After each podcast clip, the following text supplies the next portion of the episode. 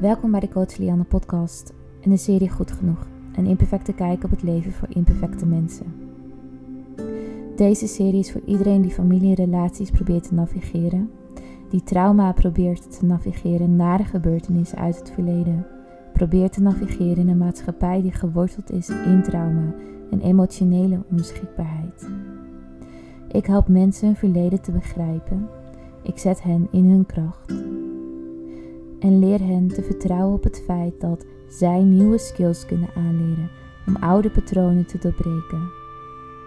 Om hun zenuwstelsel en hun brein van traumasymptomen te helen, zodat zij nieuwe patronen kunnen creëren die constructief zijn en niet alleen voor zichzelf, maar ook voor de generatie die na hen komt. Onze familiepatronen eindigen niet op miraculeuze wijze bij onze achttiende. Trauma hield zichzelf niet. Traumasymptomen gaan niet zomaar weg. De tijd hield niet alle wonden. Maar weet dat het nooit te laat is om opnieuw te beginnen. Je bent niet alleen. Je bent niet alleen in jouw drama, in de pijn die je op dagelijkse basis ervaart de emoties die je moeilijk vindt om te verwerken. En weet dat jouw familie, jouw verleden en jouw trauma jou niet definiëren.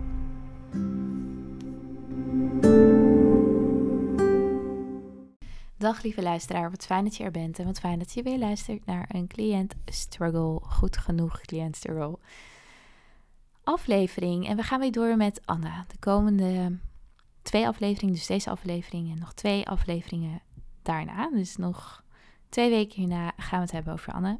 En dan eh, ronden we haar sessies af en gaan we waarschijnlijk gewoon weer lekker door met een andere cliënt die ik begeleid. Ehm, ik ben eigenlijk ook heel erg benieuwd wat jullie van deze series vinden. Vinden jullie het fijne podcasts om te luisteren? Hebben jullie er iets aan? Laat het me vooral weten. Dat zou ik super fijn vinden.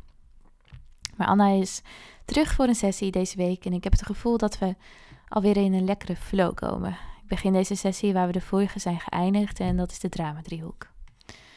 Anna vertelt dat ze een interactie had met haar moeder, wat haar deed denken aan onze discussie die wij voerden in onze vorige sessie. In deze interactie belde haar moeder Anna op om haar te vertellen hoe haar vader was vergeten om de container bij de weg te zetten. En dit vergeet hij dus altijd. Dit deed haar moeder denken aan alle keren dat hij vergat om een cadeau te kopen voor haar verjaardag. Hoe hij vergeet waar zijn sokken liggen en hoe hij vergeet welke bloemen ze nou eigenlijk echt leuk vindt. Op een gegeven moment deelt haar moeder: Haat je het ook niet dat hij dit altijd doet? Je moet echt een keer met hem hierover gaan praten en me uitleggen dat dit echt gewoon niet zo langer kan en dat ik het niet zo langer accepteer. Naarmate Anna meer uitlegt over dit gesprek, merk ik een aantal sleutelelementen op over het gedrag van Anna in deze situatie. Ze luistert naar haar moeder en eindigt het gesprek niet. Ze maakt geen aanstalt om het gesprek te leiden en ze stelt geen grenzen. Ze vertelt haar moeder nooit dat het niet oké is en voelt voor haar en dat het niet goed voelt voor haar om dit soort gesprekken te voeren. Ze bevestigt het gevoel van haar moeder en vertelt dat ze het ermee eens is dat haar vader gewoon snel dingen vergeet. Ze stemt in met de vraag van haar moeder om met hem in gesprek te gaan hierover. Het voelt als een taak voor Anna om te luisteren naar haar moeder, haar moeder te ondersteunen en haar te helpen. Anna begrijpt niet echt hoe dit de relatie tot haar vader verslechtert. Laten we nu de drama-driehoek er nog eens bij pakken. Anna, haar moeder, start met de slachtofferrol. Ze zet haar man in de aanklagerrol en ze wil dat Anna haar redt. Anna beweegt door haar eigen versie van de drama-driehoek heen. Hier in onze online Zoom-sessie. Ze identificeert zich als haar moeders beschermer slash redder en ze maakt van haar vader de aanklager en zo zet ze haar moeder in de slachtofferrol. Anna ziet zichzelf ook als het slachtoffer. Haar vader klaagt haar moeder aan en haar moeder wil gered worden. Dit betekent ook dat ze haar vader als aanklager ziet. Zij en haar moeder kunnen niet op hetzelfde moment slachtoffers zijn, dus een van hen moet besluiten om zichzelf te redden. Als coach is het aan mij om de rol van een niet angstige en neutrale persoon aan te nemen. Er bestaat een theorie die zegt dat een conflict tussen twee mensen kan worden opgelost door een gezonde driehoek te creëren.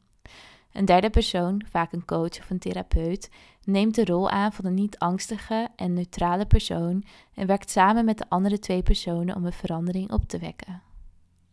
In deze situatie ga ik Anne helpen om een betere advocaat te zijn voor zichzelf. Ik wil de rol van redder uit de weg gaan bij haar, maar ook bij mezelf. En ik wil ook niet dat zij zich als slachtoffer gaat voelen die gered moet worden door een ander persoon. Wat ik ook niet wil is dat zij het gevoel krijgt dat ze haar ouders moet aanklagen. En haar naar kracht zet door tegenover hen te gaan staan. Het doel is om de relatie op te bouwen, niet om nog meer weerstand te creëren. Anna is iemand die al van jongs af aan in deze drama-driehoek zit in haar familie. En dit zorgt ervoor dat ze obsessief gedrag vertoont rondom de emotionele behoeften van anderen en ze probeert hier extreem aan te voldoen. Ze is overmatig bezig en gevoelig voor wat anderen nodig hebben, maar heeft moeite om haar eigen behoeften duidelijk te krijgen. Wanneer mensen opgroeien in zo'n omgeving, hebben ze vaak moeite met keuzes maken, waardoor ze altijd terugvallen op de meningen van anderen. Ik geloof dat Anne het nodig heeft om te focussen op iets wat we zelfdifferentiatie noemen. Dit is wanneer een persoon bewust is van eigen doelen, wie zij zijn en hoe zij willen zijn in deze wereld. De persoon die dit omarmt in het leven staat voor zichzelf in deze wereld en wordt niet overweldigd en meegesleept door de relaties in hun omgeving. Ze weten wat belangrijk is voor hen, ook al ontvangen ze niet de steun van de personen in hun omgeving en hun familie. Dit kan een uitdagend proces zijn in families zoals die van Anne. Vorige week deelde ik al dat Anne erg verwikkeld zit met haar moeder. Ze staan overmatig dicht bij elkaar en hebben een codependente relatie, wat betekent dat ze waarschijnlijk het huidige proces van Anna gaat proberen tegen te werken. En dit is wat er eigenlijk gewoon gebeurt wanneer er een verandering van rollen plaatsvindt in een gezin. Iedere familie heeft een eigen vorm van zijn en dit noemen we een familiehomeostase. Dit is gewoon hoe een familie functioneert en wat als tussen haakjes normaal en ook wel tussen haakjes veilig voelt. Ook al is de status quo slecht of destructief, veel gezinnen vechten om hetzelfde te blijven, want dat is alles wat ze weten en alles wat ze kennen. Dit is dan ook waar om je uitspraken vaak hoort in dit soort families als dit is gewoon hoe we het doen hier. Dit is hoe we het altijd hebben gedaan. Dus hoe veranderen we een gezin? En dit is waar ik Anne mee ga helpen. Ik geloof dat het veranderen van hoe zij zich gedraagt en hoe zij handelt in haar familie al veel dynamieken zou kunnen transformeren. Eerst leg ik wel uit aan Anne dat haar verandering niet gebaseerd is op het feit om haar gezin te veranderen. Dit kan wel een fijne bijkomstigheid zijn, maar dit is niet de intentie en het doel.